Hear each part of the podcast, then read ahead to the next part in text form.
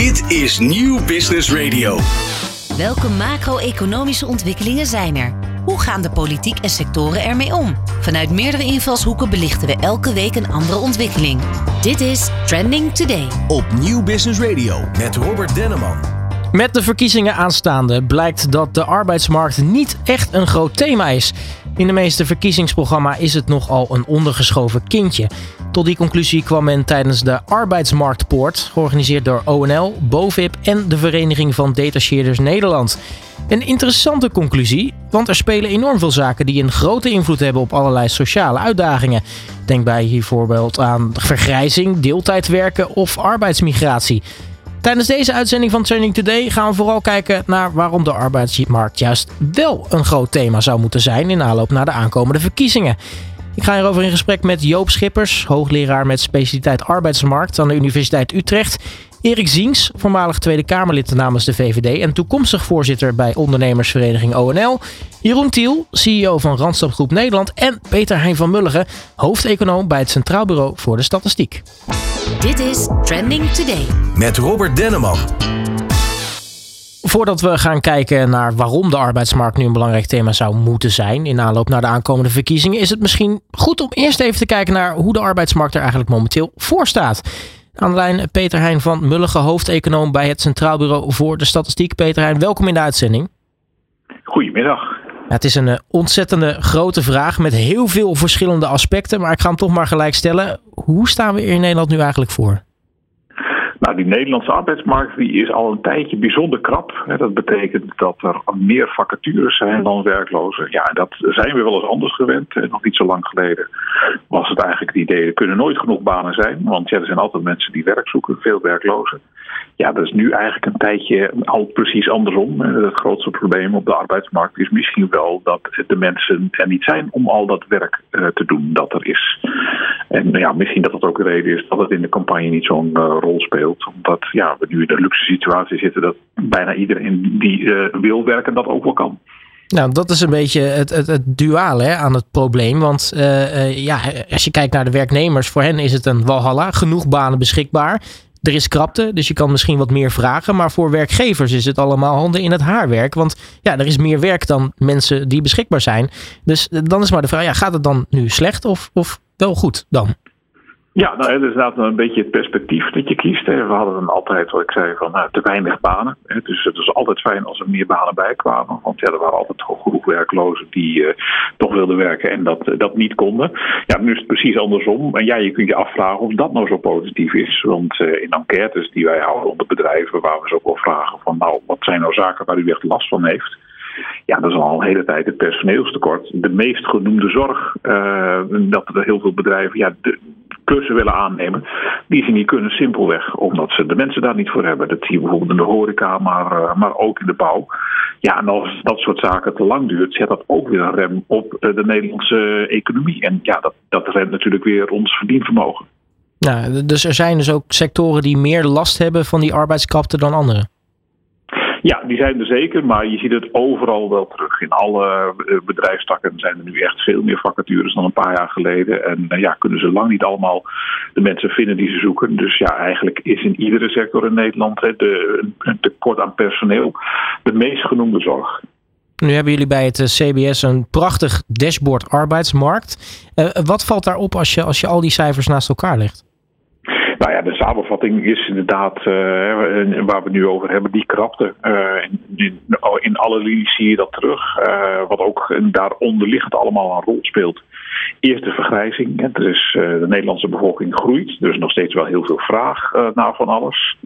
Maar ja, het aantal mensen dat met pensioen gaat neemt ook toe. Hè. Dus de generatie, eerste generaties babyboomers zijn al een tijdje met pensioen. Ja, en die, en, die prop aan gepensioneerden, ja, dat neemt de komende jaren nog wel toe. Uh, dus ja, dat betekent dat er ja, mensen ook uit de arbeidsmarkt verdwijnen. Maar ze kopen nog wel spullen. En dus, dus nog wel, betekent nog wel uh, wat vraag. Dus die, ja, die vergrijzing, en dat is toch wel een beetje een structureel fenomeen. Die zal ook nog wel een tijd lang druk blijven zetten op die arbeidsmarkt. Is dat dan de ontwikkeling die het meeste zorgen baart?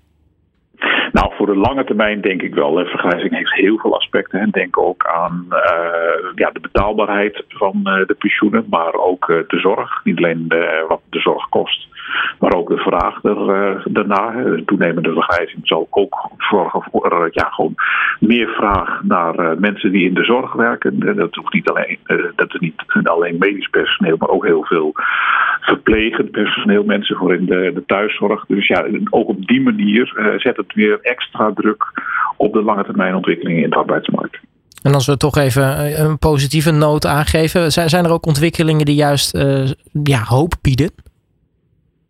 Nou, wat je vaak ziet in het uh, verleden is dat als er, die krapte heel groot is, dan is dat vaak voor ondernemers toch wel een stimulans om te innoveren. Want ja, als je de mensen niet kunt vinden, dan zit er bijna maar één ding op. En dat is uh, toch wat slimme technieken bedenken, waardoor je, je ja, minder werk nodig hebt. Dat zijn die arbeidsbesparende technieken. En ja, die geven vaak een enorme boost aan de productiviteit. En uiteindelijk moet je dat hebben voor duurzame economische groei. Dus uiteindelijk is toch wel de hoop dat hier ook uh, ja, weer de bal het schip keert. En uh, ja, die, die, die krapte ook zorgt voor uh, ja, meer innovaties. En daarmee meer welvaart voor ons allemaal. Nou, Peter, nu komen de verkiezingen er natuurlijk aan. Zijn dat traditioneel periodes waarin er veel gebeurtenissen zijn in, in cijfers, ontwikkelingen, veel grote wijzigingen? Of valt het wel mee? Nee, je ziet wel bij iedere uh, verkiezing dat er weer aandacht is voor uh, verschillende ontwikkelingen, verschillende cijfers. Bestaanszekerheid is nu een, een, een item dat al lange tijd speelt. Ook vanwege de hoge energieprijzen. Dus daar is extra veel aandacht voor. Niet alleen tijdens de verkiezingen trouwens, want ook toch tijdens het vorige kabinet zijn er heel veel maatregelen genomen om dat soort dingen te bestrijden. En ja, goed, het is ook, er zijn natuurlijk wel altijd weer zaken aan de hand. En de ene keer zijn sommige, sommige cijfers ja, worden dan toch belangrijker, relevanter gevonden dan andere. hoe kijk jij dan als, als econoom naar, naar verkiezingen? Ja, dat is, uh, hey, als CBS uh, probeer je daar altijd een beetje afzijdig te houden. Uiteindelijk leveren we natuurlijk alleen die cijfers voor het debat en uh, spelen we niet de rol in het debat zelf. En uh, ja, goed, en, dat merk je ook dat sommige van onze cijfers dat die meer in de belangstelling staan uh, dan andere. Maar ik uh, heb het gesprek mee begonnen, van, dus de arbeidsmarktcijfers die we maken, het, het, heeft, lijkt de indruk dat mensen het eerder plezierig vinden dan een, dan een probleem omdat het juist ook in die campagne maar een beperkte rol speelt. Het enige aspect dat je dan nog wel ziet is arbeidsmigratie. En niet zozeer, uh, uh, dan is dan niet de boodschap dat we moeten inzetten op arbeidsmigratie om die uh, krapte het hoofd te kunnen bieden. Maar juist dat er minder migraat, arbeidsmigratie moet komen omdat ja, Nederland te vol zou zijn. Ja, nu is het, uh, nou, je zeg je al, de cijfers van CBS uh, zijn niet om, uh, om nou ja, een mening te delen, maar gewoon om, om feitelijk weer te geven wat er gebeurt. nu zijn prognoses natuurlijk ook onderdelen van cijfers. Gaat er veel veranderen, denk je? Ja, dat hangt er maar net vanaf uh, hoe uh, uiteindelijk de verkiezingen uitvallen. Wie, uh, wie een kabinet gaat vormen, wie de grootste is en ja, wat de idee daaruit komt. het Centraal Planbureau heeft natuurlijk wel al verschillende ramingen gemaakt. Ze hebben ook van verschillende partijen de programma's doorgerekend. en natuurlijk zal het nooit helemaal zo uitkomen, omdat in Nederland nog nooit één partij alle wetten opstelt. Uiteindelijk zal het altijd een, een, een compromis worden. En ja, sommige partijen die hebben ook helemaal niks ingeleverd dus dat is toch een beetje gissen wat dat zou betekenen voor, uh, voor de Nederlandse economie. En ja, uh, en uiteindelijk uh, zie je toch na iedere kabinetsformatie weer dat het een, een afruil wordt tussen de verschillende partijen. De een krijgt hier zijn zin in, de ander op een, een ander dossier. Dus ja, het is nog even wachten wat dat dan uiteindelijk voor de Nederlandse economie en dus ook de arbeidsmarkt gaat betekenen. Precies, want de, totaliteit heb je natuurlijk altijd een beetje die fluctuatie in de conjunctuur. En jullie hebben ook de, de conjunctuurklok op uh, het CBS. Verwacht je dat we die uh, tot slot dan uh, positief of negatief gaan eindigen met dit jaar? Dat is lastig te zeggen, ook omdat de Nederlandse economie vaak toch wel meebeweegt op wat er in de landen om ons heen gebeurt. Nederland is zeker geen kleine economie, maar ook in de Europese Unie toch wel een, een middelgrote economie die sterk gericht is op het buitenland. Dus vaak zie je toch wel dat wat er in Nederland gebeurt, uh, ja, in grote mate bepaald wordt door de economische groei in de landen om ons heen. Niet alleen, eh, soms zie je ook wel in tijden van uh, crisis dat Nederland het slechter doet dan landen om ons heen vanwege zaken die we op een bepaalde manier hebben geregeld. Dat was bijvoorbeeld in de financiële crisis van 2008, 2009 het geval. En toen de Nederlandse woningmarkt ja, toch voor extra kwetsbaarheid zorgde. Aan de andere kant, tijdens de coronacrisis deden we het juist veel beter. Dat heeft ook wat gevolgen is waarschijnlijk de oorzaak dat uh, niet alle bedrijfstakken hier getroffen werden door de lockdown, dat er ruimhartige steun was waardoor veel minder bedrijven uh, failliet gingen. En dat zijn waarschijnlijk oorzaken waardoor tijdens corona Nederland het weer beter deed. Maar kijk je over de lange termijn, dan uh, is het toch vaak belangrijker wat er in landen om ons heen gebeurt, dan wat er precies allemaal voor ja, nieuwe wetten en regels worden aangenomen in Nederland zelf. We gaan het allemaal meemaken. Peter Heij van Mulligen van het CBS, dankjewel voor je tijd. Dit is Trending Today. Met Robert Denneman. Een bedrijf die zich volop in de arbeidsmarkt bevindt is Randstad Groep, waar Randstad, Tempo Team, Yacht en BMC onder vallen. Als uitzendbureau en detacheerder verbinden zij werkgevers met werknemers. Hoe zien zij op dit moment de ontwikkelingen op de arbeidsmarkt en hoe kijken zij aan naar de aankomende verkiezingen? Ik ga erover praten met Jeroen Tiel, CEO van Randstad Groep Nederland. Jeroen, hele goedemiddag. Hey, goedemiddag. Ja, hoe zien jullie op dit moment eh, de staat eigenlijk van de arbeidsmarkt? Nou, als we kijken naar de arbeidsmarkt, de schaarste blijft nog steeds een grote bedreiging voor zowel maatschappij en economie. Nog meer dan 440.000 openstaande vacatures. Overigens, vooral in techniek zien we 12% meer dan vorig jaar. En we hebben het idee dat daar ook een gevaar in zit dat er een soort van blinde vlek ontstaat. We weten namelijk nog niet precies hoe die schaarste zich gaat ontwikkelen, naar welke sectoren dat nog zwaarder gaat uitpakken, of het omslaat naar andere sectoren. En dat betekent dat we het eerlijke verhaal voor de mensen moeten vertellen en voor de arbeidsmarkt. Dat we allemaal mee moeten kunnen in de grote veranderingen. Als het dan gaat over klimaat of technologie. Uh, we moeten mensen helpen in de transities op de arbeidsmarkt. En dat kunnen we niet uh, doen door te beloven dat we met een vaste baan niet verandert in het werkend leven. Maar we moeten hen ieder voorbereiden voor, uh, voor een volgende baan. Ja, is, is dat dan het grootste gevaar wat op de loer ligt? Het feit dat we nog niet helemaal weten wat voor gevolgen dit heeft? Nou ja, enerzijds heeft het natuurlijk zeker uh, impact. Als je niet precies welke, uh, weet welke kant het op gaat, is dat een gevaar. Wat we natuurlijk wel weten is dat die schaarste uh, nou ja, vrijwel permanent is. Hè? Door de demografische ontwikkelingen en door de economische ontwikkelingen kunnen we gewoon vaststellen dat die schaarste blijft. Mm -hmm. En dan is het ook enorm belangrijk dat je daarover praat met elkaar. Ja, en die schaarste op de arbeidsmarkt, hè? wat doet dat met een bedrijf als, als Randstadgroep eigenlijk? Nou, voor ons, uh, het vinden van uh, mensen, talenten noemen wij dat, voor werken is iets wat we al 62 jaar doen. Dat hebben we uh, gedaan in goede tijden en in minder goede tijden. En dat is ook iets waar we, wij ons in gespecialiseerd hebben. En waar we ons ook onze berichten om ervoor te zorgen dat we niet alleen de mensen die vandaag werken, uh, helpen, maar ook de mensen die morgen werken. Of de mensen die nog niet klaar zijn voor een bepaalde baan en daar support in kunnen geven.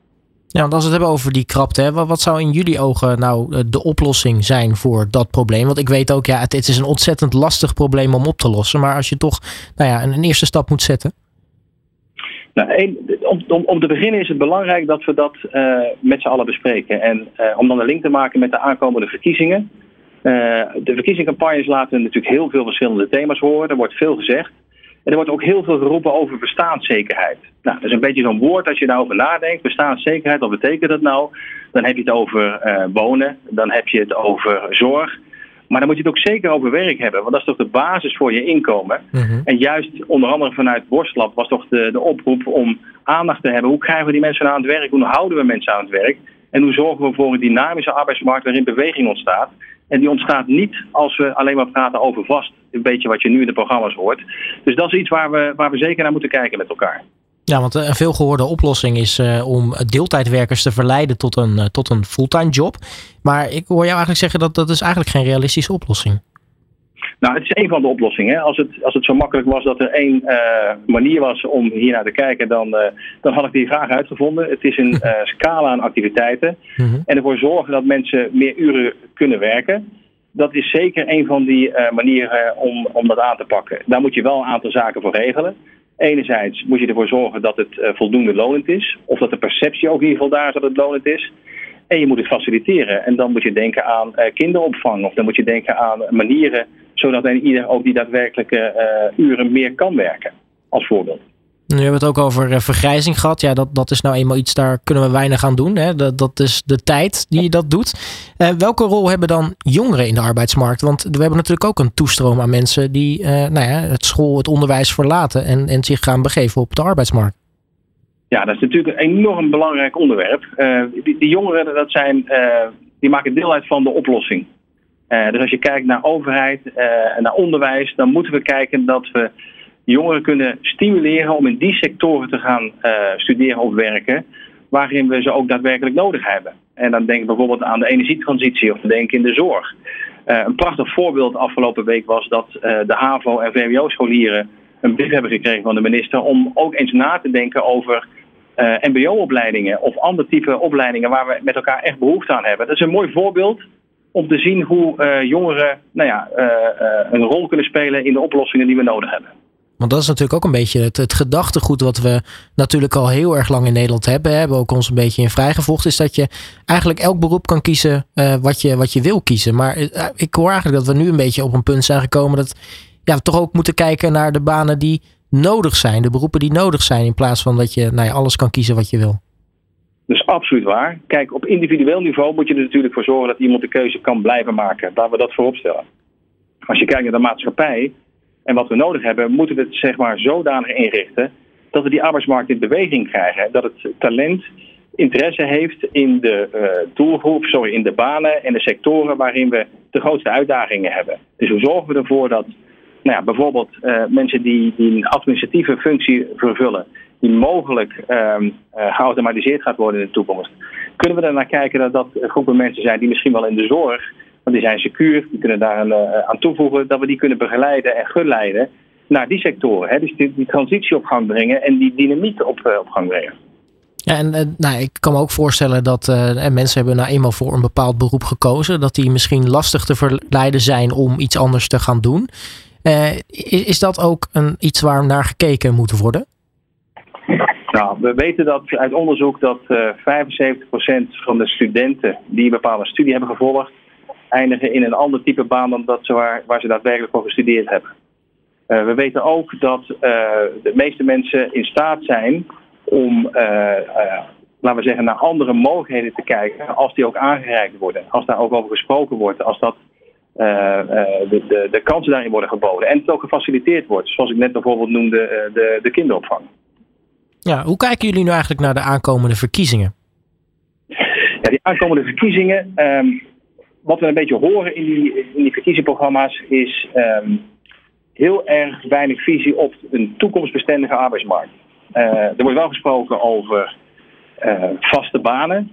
Ja, dat is eigenlijk geen visie, maar dat is praten over een bepaalde contractvorm. Als we het dan met elkaar eens zijn dat we enorm veel beweging moeten gaan zien te realiseren, omdat we van die grote transities te maken hebben, ja, dan zou je daar op een andere manier over moeten praten. En we missen eigenlijk uh, compleet in die, in die programma's dat daarover gesproken wordt. In die, in die toekomstbestendige arbeidsmarkt, dat hoor ik uh, absoluut te weinig in de programma's. Nu zijn de verkiezingen natuurlijk bijna. Is er überhaupt nog tijd voor politieke partijen om, uh, om daar wat aan te doen? Om, om, om te kijken naar toch toevoegen aan verkiezingsprogramma's of in ieder geval hun, hun visie daarin te delen? Nou, ik ben van mening dat, dat welke partij, politieke partij we ook over praten, en iedereen heeft baat bij een florerende economie.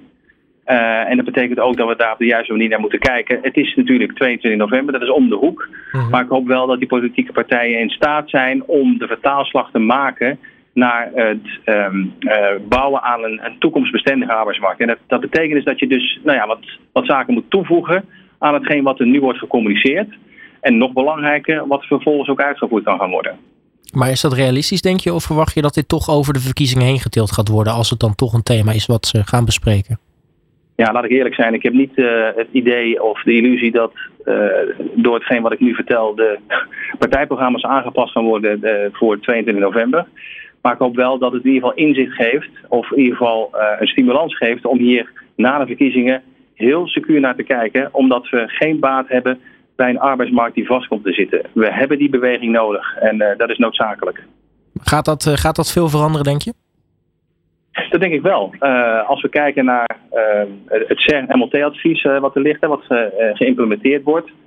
Daar is minister Van Gennep hard mee bezig. Die doet daar veel voorstellen voor om te kijken hoe we die arbeidsmarkthervormingen daadwerkelijk kunnen doorvoeren. Alle partijen hebben dan de mogelijkheid om middels internetconsultaties daar een visie over te geven. Dat gaan wij ook zeker doen. En daar heb ik er wel vertrouwen in om na de verkiezingen daarop voor te borduren. Want hoe dan ook, met z'n allen zijn we erbij gebaat dat we een uh, gezonde economie hebben. Een uh, toekomstbestendige arbeidsmarkt, uh, waar met z'n allen de toekomstige transitie die we moeten doormaken ook aan kunnen. En met alle dingen die er moeten gebeuren, waar hoop je dat we nou ja, over een jaar zijn? Nou, ik, hoop, ik, ik hoop dat we over een jaar een beetje weg zijn gestapt van laten we zeggen, die hele uh, kortzichtige opmerking in termen van, joh, laten we kijken naar uh, vaste banen, zonder dat je denkt over die transitie die we moeten doormaken. Dus over een jaar hoop ik dat we in staat zijn om met elkaar te kijken naar die uh, gebieden waarin we die transitie willen doormaken. En daar willen we als Randstad zeker ook een rol in spelen en daar deel van uitmaken. Nou, laten we hopen dat dat beeld uit mag komen. Jeroen Tiel, CEO van Randstad Groep Nederland, dankjewel voor je tijd. Dit is Trending Today op Nieuw Business Radio. Ja, en in Trending Today willen we uiteraard ook jouw mening horen. En daarom laten we er voor elke uitzending eh, een poll oplossen op zowel X, nou ja, Twitter, X en Instagram.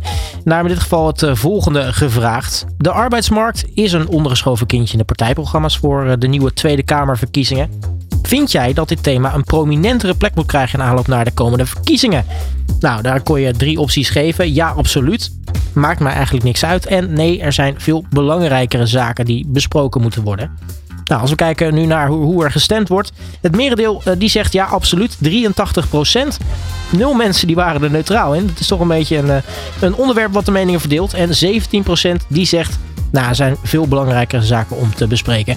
Dus vooral luisteraars met een mening dus. En die zeggen vooral, de politiek moet zich meer bezighouden met de arbeidsmarkt. Dit is Trending Today. Op Nieuw Business Radio. De arbeidsmarktpoort, die toch als een soort rode draad door deze uitzending loopt, is een tweejaarlijks bijeenkomst over de toekomst van de arbeidsmarkt. En die wordt georganiseerd door ONL, BOVIP en de Vereniging van Detacheerders Nederland. Dan is onze vraag: hoe ziet de ondernemersvereniging ONL eigenlijk de aankomende verkiezingen? Zeker met dat thema arbeidsmarkt. Ik ga erover praten met Erik Siens, die eh, per 1 december Hans Biesheuvel zou opvolgen als voorzitter van ONL. Erik, hele goedemiddag. Ja, goedemiddag. Allereerst ben ik toch stiekem wel benieuwd. Ben je al helemaal klaar om op 1 december dat voorzitterschap over te nemen? ja, ik, uh, ik bevind me nu in de introductieperiode. En uh, de bedoeling is dat ik zoveel mogelijk nu in contact kom met uh, de mensen die Hans Biesheuvel natuurlijk allemaal kent. En dat is een lange lijst. Dus ik ben druk bezig. Nou, als we kijken naar jouw verleden, je hebt een tijdje in de Tweede Kamer gezeten bij de VVD. Um, in hoeverre was je, nou ja, het is natuurlijk de partij van ondernemerschap, maar in hoeverre was je toen al bezig met die arbeidsmarkt? Ja, kijk, dat had, ik ben natuurlijk in 2010 in de Kamer gekomen. En toen hadden we natuurlijk een totaal andere arbeidsmarkt als wat we heden te dagen hebben. Uh, toen was er echt een uh, overschot aan arbeidskrachten. Uh, dus de discussies lagen ook heel anders in de Kamer dan dat ze eigenlijk tegenwoordig gevoerd zouden moeten gaan worden. Ja, en ik hoor al moeten gaan worden, want dat gebeurt op dit moment nog niet. Nee, dat, dat, eh, kijk waar het in zit, is dat uh, je hoort allerlei zaken in de debatten voorbij komen als het gaat om arbeidsmigratie, et cetera, et cetera. Terwijl we in feite een enorme krapte hebben op de arbeidsmarkt. En volgens mij is dat het onderwerp waar aandacht aan besteed moet worden. Want ondernemers kunnen op dit moment verschrikkelijk moeilijk personeel krijgen. En ja, ga daar dan zwaarder op inzetten, uh, zou mijn advies zijn. Nou, er zijn uh, verschillende sociale uitdagingen hè, die betrekking hebben op de arbeidsmarkt. Uh, ik noemde in het begin van de uitzending al uh, vergrijzing, arbeidsmigratie. Nou, je noemt inderdaad terecht ook arbeidskrapte. We hebben ook een hele grote hoeveelheid deeltijdwerkers. is arbeidskrapte dan van al die nou ja, problematieken, wat dat betreft degene waar je zegt van die zouden we het eerste moeten aanpakken? Ja, ik denk dat dat uh, een van de hoofdpunten is die je zou moeten gaan aanpakken. Alvorens je gaat praten over uh, arbeidsmigratie. Kijk, uh, er zijn heel veel ondernemers die dolblij zijn met die arbeidsmigranten. Anders krijgen ze hun productie niet van, vanuit de kassen ge, geoogst en noem al die voorbeelden maar. waar Nederlanders kennelijk op dit moment in die branches niet willen werken. Ja, en dan is nou, die arbeidskrapte dus, dus een groot issue. Wat, wat is daar nou ja, en dat klinkt natuurlijk als even makkelijk gezegd dan gedaan. Maar wat is daar nu de oplossing van? Nou ja, laten we eens beginnen met uh, al die toeslagen die op dit moment uh, verleend worden. Uh, huurtoeslag, kindgebonden toeslag, bekijk het maar wat voor toeslag. En dan daarnaast nog een keer het armoedebeleid binnen gemeentes. Daarin zie je dat de prikkel om te gaan werken of meer te gaan werken toch niet zo stevig meer aanwezig is. Nou, dat zelf ook in de bedrijven van mijn vrouw. Die heeft drie kapsalons met bijna 30 medewerkers. Ja, gemiddelde werknemer wil gewoon wat beperkt gaan werken qua uren. En dat is niet per se zo voor het gezin, maar dat heeft meer te maken met het feit dat ze anders als ze meer gaan werken hun toeslagen kwijtraken en daardoor het niet echt beter op worden. Ja, dus als je het zo ziet, eigenlijk loont het niet om meer te gaan werken. Daar komt het op neer. Dus volgens mij moeten ze dat met elkaar in de Kamer een keer gaan aanpakken. En zeggen we, joh, zorg dat die prikkel zodanig wordt dat mensen ook weer bereid zijn om meer te gaan werken. Dan raak je in ieder geval, ja, dan, dan, dan, dan, pak je in ieder geval die krapte op de arbeidsmarkt goed aan. Nou, we hebben het net al kort even gehad over die, die arbeidsmarktpoort. Waarom organiseren jullie die nu? Nou ja, dat, dat heeft eh, mede te maken met, uh, met het feit dat in, in, in het hele bedrijfsleven op dit moment er allerlei problemen zich voordoen om, ja, om met, met personeel, met medewerkers ten aanzien van het verkrijgen van personeel. Als het gaat om allerlei ontwikkelingen rondom het ontslagrecht, nou, noem ze allemaal maar op. En dat betekent dat het gewoon goed is dat je een dergelijke poort organiseert, om dat ook eh, bij eh, allerlei mensen onder de aandacht te brengen. De conclusie was eh, ja, dat de arbeidsmarkt toch best wel een ondergeschoven kindje is in de verkiezingsprogramma's. Hoe kijken jullie als ONL naar, naar die conclusie? Nou, ik denk dat die conclusie zeer terecht is. Uh, Kim Putters die was daar aanwezig om uh, ook als panellid daar zijn visie op te geven. Ja, en die onderschreef dat eigenlijk ook. En uh, gaf ook wel aan dat al die zaken die in feite toch spelen op die arbeidsmarkt, dat die eigenlijk in de verkiezingsprogramma's niet echt terugkomen. En ja, dat was een veel gehoord geluid ook in de zaal. Ja, hoe kan je de politiek dan nu toch wakker schudden voor dit thema? Dat je het eh, nu al uh, helder en duidelijk maakt richting het vormen van uh, straks een regering. Hè. Het kan ook in een regeerakkoord komen. Dat daar in ieder geval ook de politici die wat meer voeling hebben bij het bedrijfsleven, bij met name het midden- en kleinbedrijf, daar ook geraakt door worden en het als hun punt proberen te omarmen, ook in de discussies in de Kamer. En wat is dan de rol van ONL daarin? Nou ja, kijk, de ondernemend Nederlands is in feite de stem van de ondernemers, zo noemen we onszelf ook. Wij moeten ervoor zorgen dat de geluider, de stem van de ondernemer, die bij ons wel binnenkomt, dat we die luid laten horen aan de woordvoerders die op de desbetreffende portefeuilles actief zijn. En dat zij weten van wat er speelt. Ja, nu uh, komen die verkiezingen eraan. Het duurt niet, uh, niet gek lang meer, hè? Nog, uh, nog een weekje of twee ongeveer vandaag. hoe kijk jij nu naar de aankomende verkiezingen? Ja, dat, dat, dat is echt koffiedik kijken op dit moment. Je ziet dat die peilingen natuurlijk een beetje heen en weer uh, hannissen bij bepaalde partijen. Waarvan je uh, voorheen dacht dat ze veel zetels zouden halen. Nu toch weer wat minder zetels gaan halen. Uh, andere partijen waarvan je denkt, nou dat blijft redelijk stabiel. Dus om daar nu eigenlijk een voorspelling in te doen. Ik vind het ontzettend moeilijk. Nou, dus eigenlijk kun je er makkelijk zeggen. Het, het is allemaal nog even afwachten. Er is nog niet zo gek iets over te zeggen. Eigenlijk is, er, eigenlijk er helemaal niks over te zeggen. Omdat je afhankelijk bent uiteindelijk hoe die coalitie tot stand gaat komen. Welke partijen daar uh, zitting in nemen. Mee gaan doen in een regering. Uh, en welke punten ook in een regeerakkoord terechtkomen. Ja, nu uh, word jij op 1 december voorzitter. Dan zijn de verkiezingsuitslagen uiteraard al wel bekend. Er moeten natuurlijk allemaal nog coalities gevormd worden. Maar dat is dan nou ja, voor, voor latere zorg. waar, waar denk jij dat het grootste werk ligt voor ONL na die verkiezingen? Dat is simpelweg uh, de nieuwe woordvoerders in kaart brengen. Zorgen dat je weet met wie je praat. Zorgen dat je weet uh, wie op dat moment in fracties het woord voert op met name de onderwerpen die ondernemers aangaan.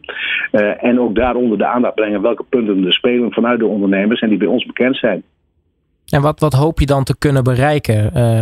nou, ook natuurlijk vanuit jouw rol als voorzitter, maar met, met de hele organisatie? Nou, ik hoop dat ze langzamerhand weer het besef krijgen dat ondernemers uh, niet uh, het pinapparaat moeten zijn van de overheid. Uh, er is geen grote boom met geld waar iedereen kan plukken. En het besef moet gewoon weer terugkeren dat het de ondernemers zijn. En dat zijn over het algemeen, ik dacht zo het over 92% van de ondernemers is gewoon niet een beursgenoteerde ondernemer, maar een ondernemer met 1 tot 30 uh, personen personeel. Kijk, dat die ondernemers uiteindelijk ook het geld moeten opbrengen voor de belastingen, waarbij we alle dingen die we zo graag willen in Nederland op het gebied van veiligheid, defensie, sociale voorzieningen, zorg, et cetera, dat die gewoon kunnen betaald worden. En de rek is er een beetje uit. En dat moet gewoon duidelijk worden. Nou, dat is denk ik ook het grootste geluid wat je, wat je terugkrijgt vanuit uh, nou ja, eh, de leden. Want jullie zijn niet voor niets een ondernemersvereniging. Dat klopt. Uh, kijk, er is net weer een rapport uitgekomen. Uh, en ja, iedereen zwaait altijd met rapporten. Hmm. Maar dit is, ja, dat zijn cijfers eigenlijk. Een kleinbedrijf index is, is één deze dagen uitgekomen. Als je, als je dat leest, dan lopen de rillingen je over de rug. Uh, dat betekent gewoon dat 24% van de bedrijven eigenlijk uh, ja, min of meer technisch failliet is. En dat je dan vervolgens ook nog eens een keer ziet dat een groot aantal van die ondernemers, en dat is, uh, ja, ik geloof dat het, het minimumloon wat, wat, wat, wat we altijd over hebben bij werknemers, dat de gemiddelde ondernemer dat helemaal niet verdient. En dat percentage loopt alleen maar op. En dat betekent dat is gewoon een hele zorgwekkende, ja, zorgwekkende toestand. Ja, nou, daar moet uh, uiteraard dan uh, verandering in komen. Nou, daar strijden jullie natuurlijk ook voor als, uh, als, als ondernemersvereniging ONL, Ondernemend Nederland.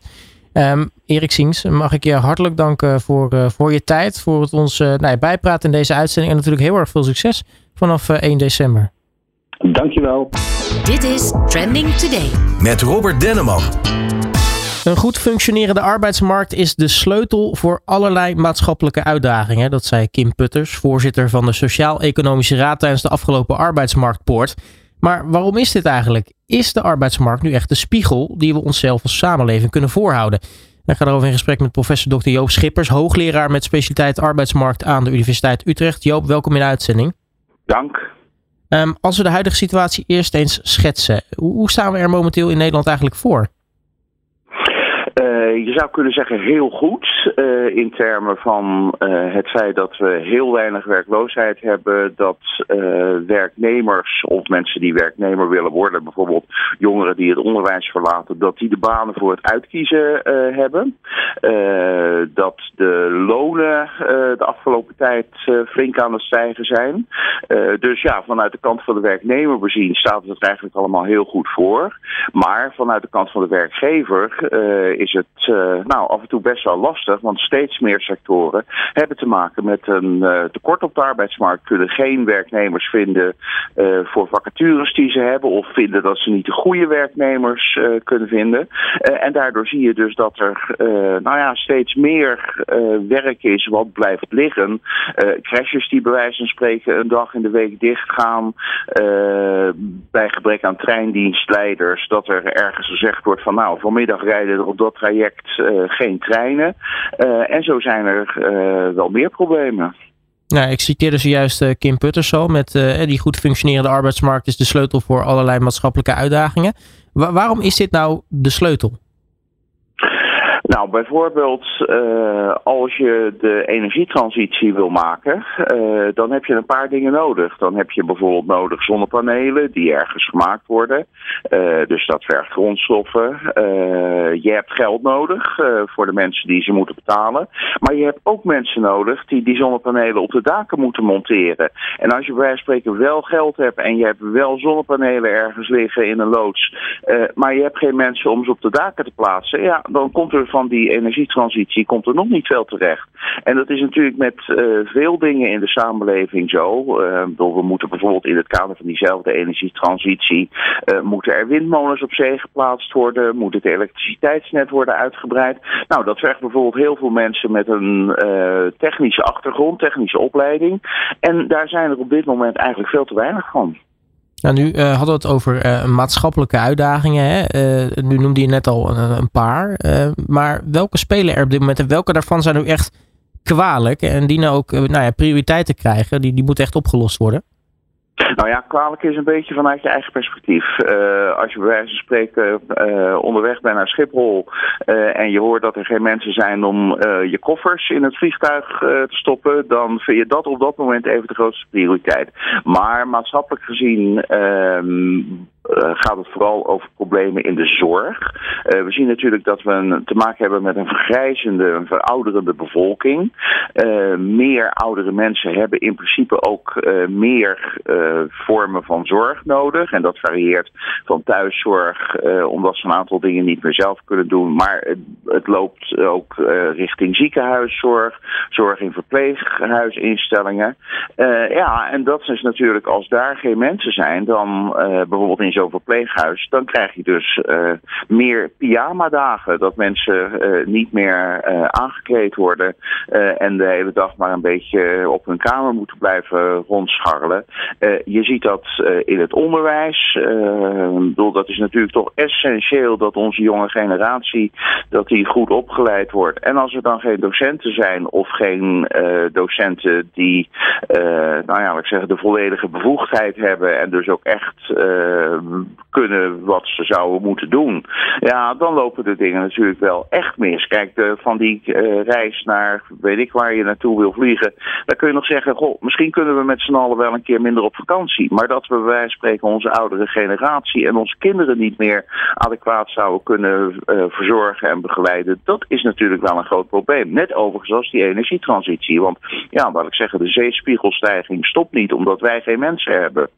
Dan, dan zit je dus eigenlijk met een, eh, een tekort aan mensen. Er zijn, eh, zoals je al aangeeft, uh, meer vacatures dan, uh, dan werkelozen. Hoe, hoe kun je dat gat eigenlijk weer, weer, weer dichten?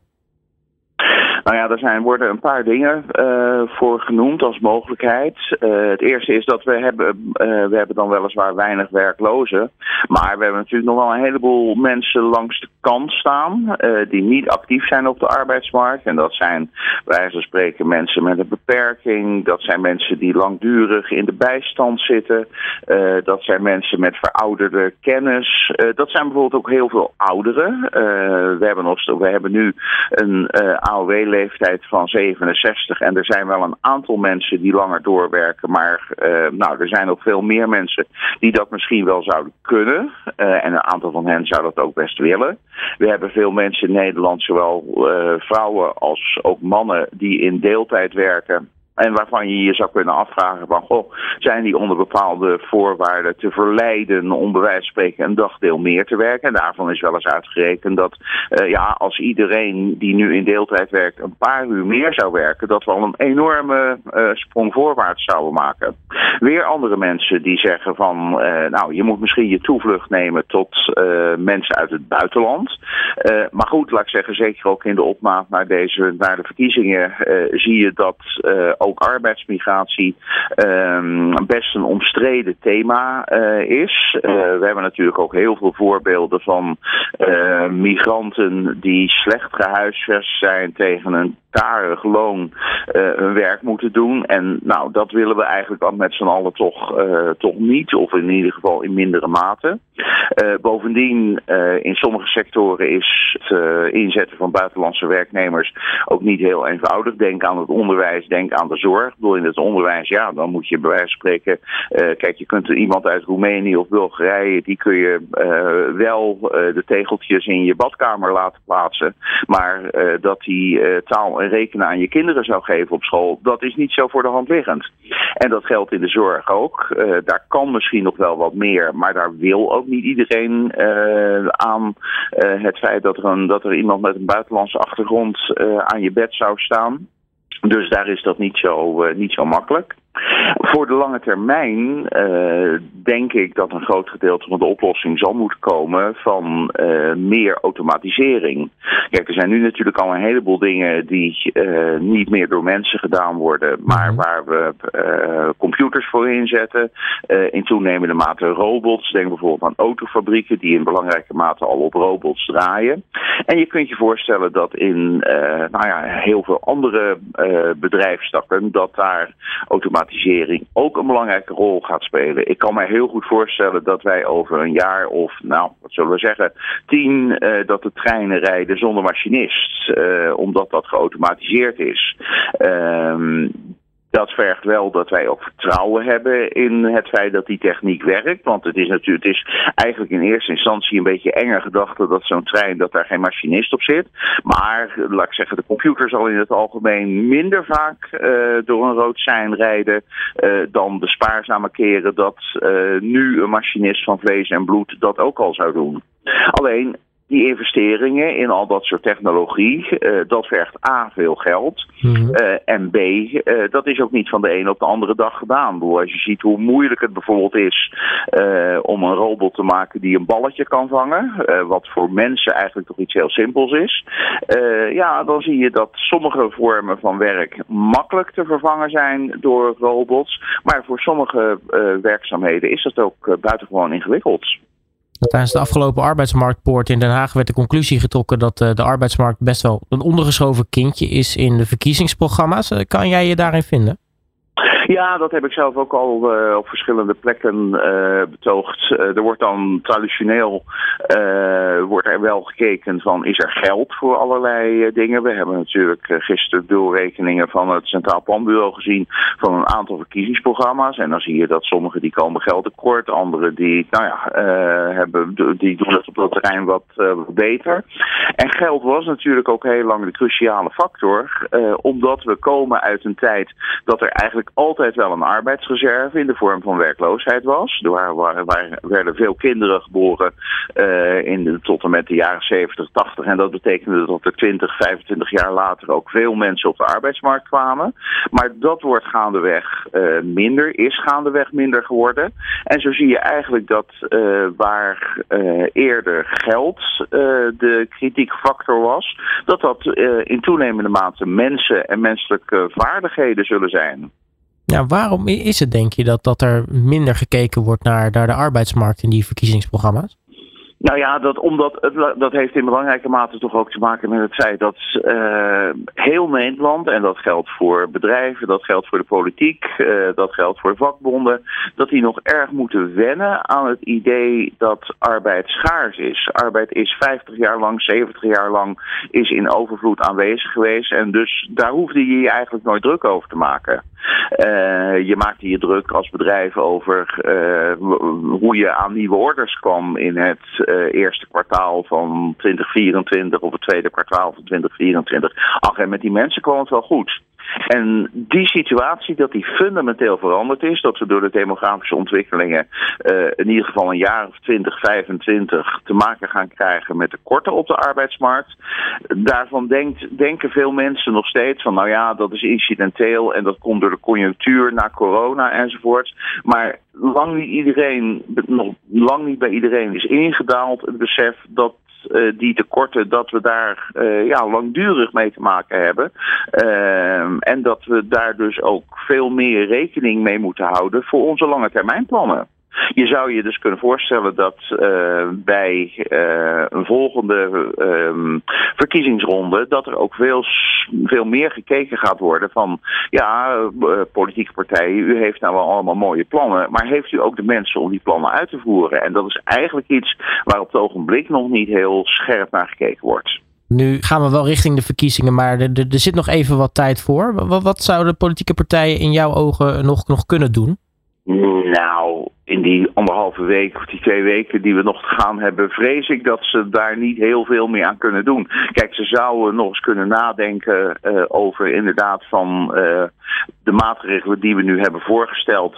Uh, in hoeverre slagen die erin om mensen ook meer te mobiliseren? Kijk, wat, wat een hele makkelijke maatregel zou zijn, dat is toch om te zeggen van goh ehm, we gaan kijken of uh, het makkelijker wordt om ouderen langer door te laten werken. Ik bedoel, dat is een, een, een duidelijk uh, afgebakende groep. Uh, je hoeft ook niet tegen iedereen te zeggen je moet langer doorwerken, maar nou ja, wel van je krijgt de kans. Alleen dat vergt dus bij heel veel bedrijven nog ehm, ja, een duidelijke andere houding ten opzichte van oudere werknemers. Nu is het nog zo van AOW-leeftijd. Nou, dan staat er in veel cao's uh, bij het bereiken van de AOW-leeftijd, uh, wordt u uh, dienstverband beëindigd. Um, en ik denk dat we daar eigenlijk van dat automatisme af zouden moeten. Um, maar dat kun je als politiek dan wel zeggen. Maar vervolgens moet dat dan in bedrijven nog wel uitgevoerd worden. En ja, ook bij veel bedrijven is die gedachte van dit is noodzakelijk, is nog niet erg doorgedrongen. Ja, tot slot, als we toch even in eh, de, de glazen bol mogen kijken. Wat verwacht je dat we straks na de verkiezingen gaan zien op de arbeidsmarkt? Nou ja, je gaat zien dat er, uh, hoe heet het, uh, af en toe sprake is van een zekere ontspanning door een conjunctureel dipje. Maar zodat het conjuncturele dipje weer over is, dan. Uh, wordt de krapte weer in volle omvang zichtbaar. Uh, en dan zal er dus veel meer gekeken moeten worden. Ja, zijn er noodmaatregelen uh, te nemen? Uh, en hoe verdelen we dan op een gegeven moment schaarste? Kijk, ik denk dat op een gegeven moment, en dat is denk ik iets wat, ehm, waar politieke partijen zich over zouden moeten bezinnen de komende tijd. En als de verkiezingen voorbij zijn, hebben ze daar misschien ook wel weer een beetje de rust voor. Uh, hoe we dit structureel gaan aanpakken. Want met de weinige mensen die we in Nederland hebben, zullen we dus ook prioriteiten moeten stellen van waar gaan we die mensen voor inzetten. En dat roept bijvoorbeeld ook de vraag op van uh, ja, laten we iedereen in vrijheid kiezen het beroep wat hij wil, de opleiding die hij wil. Dat is een groot goed waar we in Nederland altijd uh, heel sterk voor, ge, voor gestaan hebben. Mm -hmm. maar als mensen bijvoorbeeld allemaal kiezen voor uh, om communicatiemedewerker te, te worden, om maar eens even iets te noemen.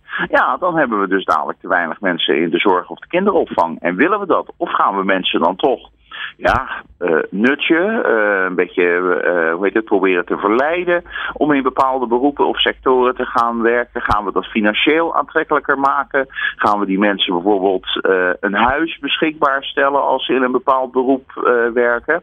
Dat zijn hele ongebruikelijke dingen van binnen de Nederlandse context.